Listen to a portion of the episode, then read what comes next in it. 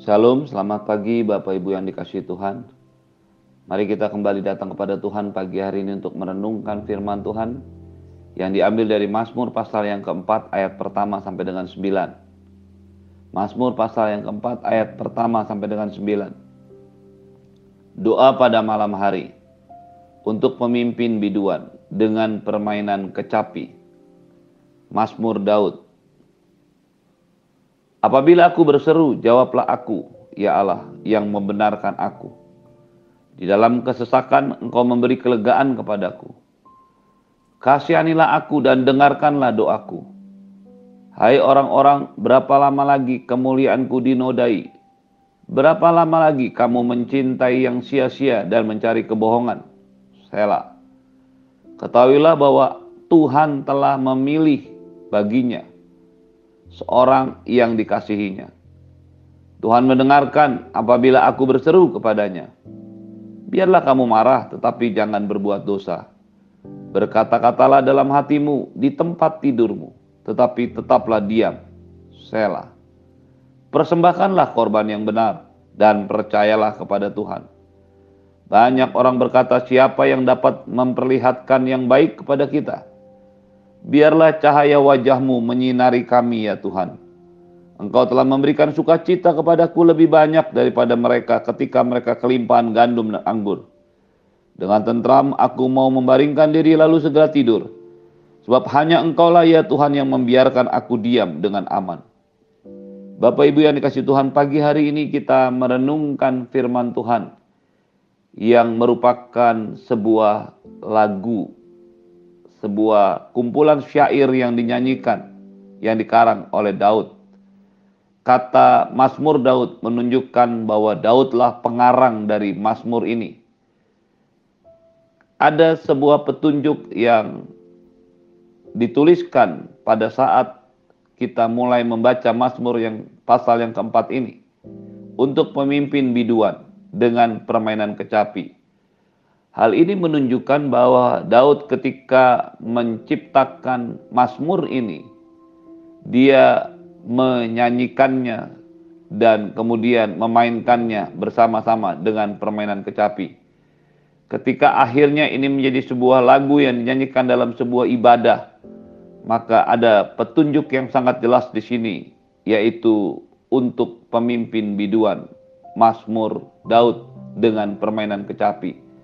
Hal ini menunjukkan ada dua fungsi utama dalam sebuah masmur, yaitu ada pemimpin biduan, pemimpin para penyanyi, dan juga ada pemain musik, pemain yang memainkan alat kecapi.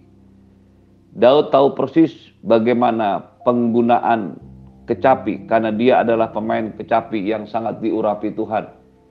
Dia tahu persis bagaimana menyenangkan dan memuji Tuhan melalui penyembahan dan pujiannya. Dengan menuliskan kata untuk pemimpin biduan dan permainan kecapi, maka Mazmur ini bukanlah sebuah Mazmur yang ber, hanya berdasarkan sebuah pengalaman pribadi atau didasari oleh satu peristiwa dalam hidupnya. Tetapi Mazmur ini lebih merupakan sebuah pewahyuan ilahi yang diterima oleh Daud lalu dituliskan dalam sebuah lagu dan dinyanyikan dalam sebuah pujian. Kedua bagian penting para pemuji dan para pemusik memperlihatkan Daud sangat memperhatikan kedua hal ini. Dia bukan hanya orang yang senang memuji Tuhan, tetapi dia tahu persis bagaimana menyenangkan Tuhan melalui penyembahannya. Itu sebabnya di awal dari Mazmur ini dituliskan untuk pemimpin biduan melalui permainan kecapi. Apa yang dituliskan oleh Daud yang menjadi isi dari Mazmur ini adalah sebuah pewahyuan ilahi yang diterimanya yang mungkin saja juga berasal dari pengalaman pribadinya kepada Tuhan mungkin saja berdasarkan pengalamannya bersama-sama dengan Tuhan. Tetapi bisa jadi dia juga mendapatkan inspirasi itu melalui pengenalannya akan Tuhan dan pemahamannya akan Taurat Tuhan. Daud berkata, "Apabila aku berseru, jawablah aku, ya Allah, yang membenarkan aku. Di dalam kesesakan Engkau memberi kelegaan kepadaku. Kasihanilah aku dan dengarkanlah doaku." Berapa lama lagi kemuliaanku dinodai? Berapa lama lagi kamu mencintai yang sia-sia dan mencari kebenaran? Ketahuilah bahwa Tuhan telah memilih baginya seorang yang dikasihinya. Tuhan mendengarkan apabila aku berseru kepadanya. Dari tiga ayat ini kita mengerti betapa dalam pengenalan Daud terhadap Tuhan. Dia mengenal Tuhan sebagai tempat perlindungan dia mengenal Tuhan sebagai tempat di mana dia berseru ketika ada dalam kesesakan, ketika dia butuh pertolongan dan belas kasihan Tuhan. Dia mengenal Tuhannya dengan benar. Dia tahu Tuhannya adalah Tuhan yang menjawab doa, yang membenarkan, yang memberi kelegaan dalam kesesakan, yang mengasihani. Penting bagi setiap kita bukan hanya tahu tentang Tuhan, tetapi mengenal Tuhan sebagai pribadi. Bukan hanya dari kata orang, bukan hanya dari tulisan firman Tuhan saja, tetapi kita mengenal Tuhan melalui pengalaman-pengalaman pribadi kita bersama-sama dengan Tuhan. Siapakah Tuhan menurut pengenalan pribadi Anda dengan Tuhan? Daud berkata, Tuhan adalah tempat dia berseru. Tuhan adalah tempat dia menjawab doa. Tuhan yang membenarkan dan Tuhan yang mengasihani dan memberikan kelegaan ketika menghadapi kesesakan. Ini membuktikan bahwa Tuhan satu-satunya pribadi yang dapat memberikan kelegaan ketika Daud menghadapi kesesakan. Hal yang sama juga terjadi buat kita. Ada begitu banyak saran yang mungkin bisa kita dengar, yang kita bisa dapatkan dari banyak orang tentang masa-masa kesesakan. Ada orang-orang yang menghindari masa kesesakan. Ada orang yang sengaja menaifkan yang tidak memungkin, yang mengatakan tidak mungkin ada kesesakan dialami oleh orang percaya. Tapi perhatikan baik-baik firman Tuhan ini. Bahkan Daud orang yang berkenan kepada Tuhan berani mengatakan, Engkaulah Allah yang memberikan kelegaan ketika ada dalam kesesakan. Jadi semua yang terjadi dalam hidup kita seharusnya membawa kita untuk semakin mengenal Tuhan secara pribadi. Bukan hanya sebagai pengetahuan teoritis, tulisan belaka, tapi dari sebuah pengalaman rohani bersama-sama dengan Tuhan. Ketika Daud mengenal Tuhan dengan benar, maka dia berani berkata, "Berapa lama lagi kamu mencintai yang sia-sia dan mencari kebohongan?" Mungkin kita bisa mendapatkan nasihat, petunjuk, jalan keluar dari orang-orang yang memberikan saran kepada kita. Tapi pertolongan sejati, perlindungan sejati, kelegaan yang sejati hanya bisa kita dapatkan di dalam Tuhan.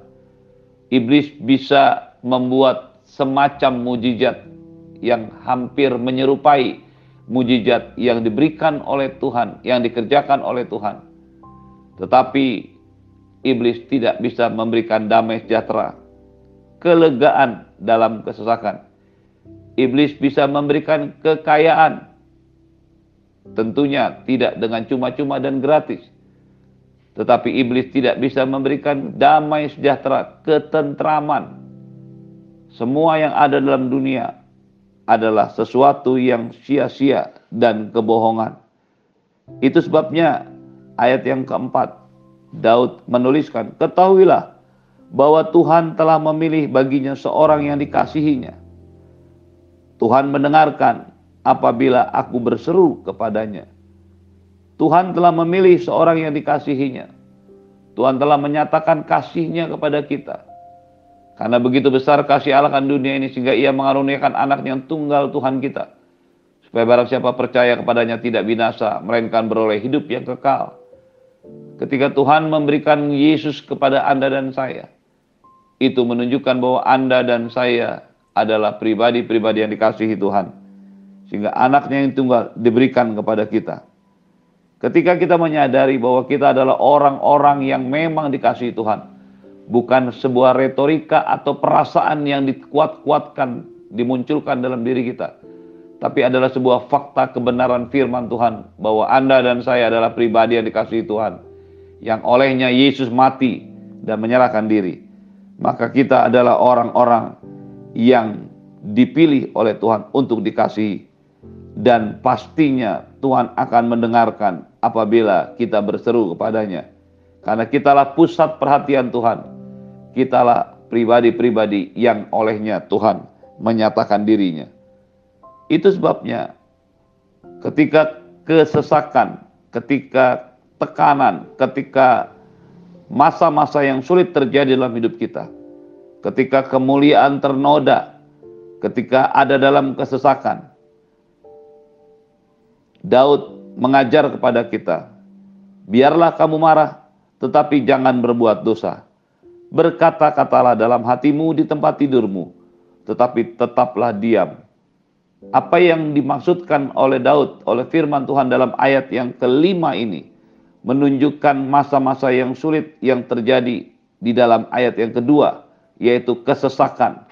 Ketika hidup kita butuh belas kasihan Tuhan, ketika kita sedang ada dalam sebuah doa dan kesia-siaan, ketika itulah mungkin saja kita tergoda untuk marah Firman Tuhan mengajar kepada kita, biarlah kamu marah, tapi jangan berbuat dosa.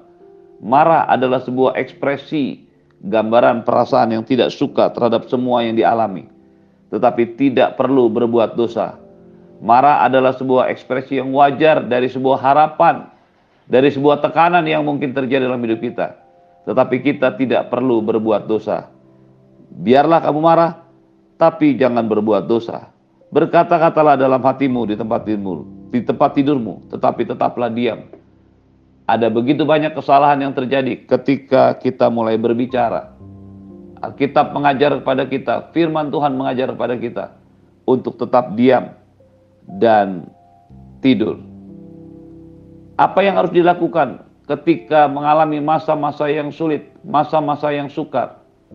Ingatlah apa yang dikatakan oleh Daud di dalam ayat-ayat selanjutnya. Persembahkanlah korban yang benar dan percayalah kepada Tuhan. Yang pertama, hati kita tetap harus siap, harus terbuka, harus memiliki kerelaan untuk mempersembahkan korban yang benar. Yang pertama, mempersembahkan korban. Yang kedua, caranya mempersembahkan korban dan korbannya yang harus benar. Persembahan korban yang benar bukan korban yang kita pilih, bukan korban yang kita senangi, bukan korban yang tidak kita sukai, tapi korban yang benar, korban yang ditetapkan kepada Tuhan. Beberapa orang berkata, yang penting niat kami. Beberapa orang berkata, yang penting kami sudah mempersembahkan korban. Tetapi Alkitab berbicara tentang dua hal ini, yaitu korban yang benar dengan persembahan yang benar. Ketika Anda dan saya menyadari ini, kita tahu persis bahwa Tuhan adalah Allah yang melihat dari dalam kedalaman hati kita. Apa yang kita mau berikan kepada Tuhan? Anda dan saya tidak bisa memilih dengan cara yang kita sukai, dengan hal-hal yang kita senangi saja untuk mempersembahkan korban kepada Tuhan. Kita harus datang kepada Tuhan, bukan hanya mempersembahkan korban, tetapi caranya dengan benar dan korbannya harus benar. Beberapa orang memberikan hidupnya kepada Tuhan, tetapi ketika ia sudah tidak berdaya, Ketika ia sudah menjadi tidak efektif, barulah ia mempersembahkan hidupnya kepada Tuhan. Itu bukanlah korban yang benar. Korban yang benar adalah korban yang terbaik yang bisa Anda dan saya berikan. Waktu, tenaga, uang, perhatian yang terbaik yang bisa Anda dan saya berikan. Kita tidak bisa mempersembahkan kepada Tuhan korban yang sisa karena Tuhan tidak menghendaki yang sisa. Itu sebabnya mengapa dalam korban-korbannya Tuhan memerintahkan orang Israel untuk memberikan anak sulung, korban yang sulung. Karena itu adalah sebuah gambaran hati untuk memberikan yang terutama dan pertama kepada Tuhan. Dan percayalah kepada Tuhan ketika Anda dan saya mempersembahkan korban kepada Tuhan. Percayalah bahwa bukan hanya Tuhan itu ada, tapi Tuhan mengerti, Tuhan melihat apa yang engkau dan saya persembahkan kepada Tuhan. Banyak orang berkata, siapa yang akan memperlihatkan yang baik kepada kita? Biarlah cahaya wajahmu menyinari kami ya Tuhan. kemuliaan Tuhan yang dinyatakan kepada kita melalui rohnya, kemuliaan yang Tuhan yang dinyatakan melalui hadiratnya, itulah yang menjadi kemuliaan bagi kita, yang menyinari kita. Engkau telah berkenan memberikan sukacita kepadaku lebih banyak daripada mereka ketika mereka kelimpahan gandum dan anggur. Kita akan sampai pada satu titik di mana kemuliaan Tuhan, sukacita yang diberikan Tuhan, itu adalah sesuatu yang lebih berharga dari yang dapat binasa yang terlihat mewah dan enak di dunia ini. Gandum dan anggur adalah lambang sukacita dunia, tetapi semuanya adalah sia-sia dan penuh kebohongan. Tetapi ketika Anda dan saya mendapatkan sukacita dari Tuhan, maka itu adalah sesuatu yang ilahi, yang kekal, yang kita bisa nikmati, bahkan sampai kekekalan. Ketika kebenaran ini terjadi, sukacita karena Tuhan lebih banyak daripada kelimpahan anggur dan gandum. Dengan tentram aku lalu membaringkan diri, lalu segera tidur. Sebab hanya Tuhan engkau yang memberikan, membiarkan aku diam dengan aman. Pada akhirnya, semua yang spiritual, semua yang ilahi, semua yang rohani, itulah yang membuat hidup Anda dan saya tentram dan damai sejahtera. Pastikan Anda dan saya hidup dengan benar di hadapan Tuhan, mempersembahkan korban yang benar dengan kepada Tuhan dan percaya kepada Tuhan. Terimalah berkat yang berlimpah dari Bapa di surga, cinta kasih dari Tuhan Yesus, penyertaan yang sempurna dari Roh Kudus menyertai hidupmu hari ini dan sampai selama-lamanya. Di dalam nama Tuhan Yesus semua yang percaya katakan amin. Shalom.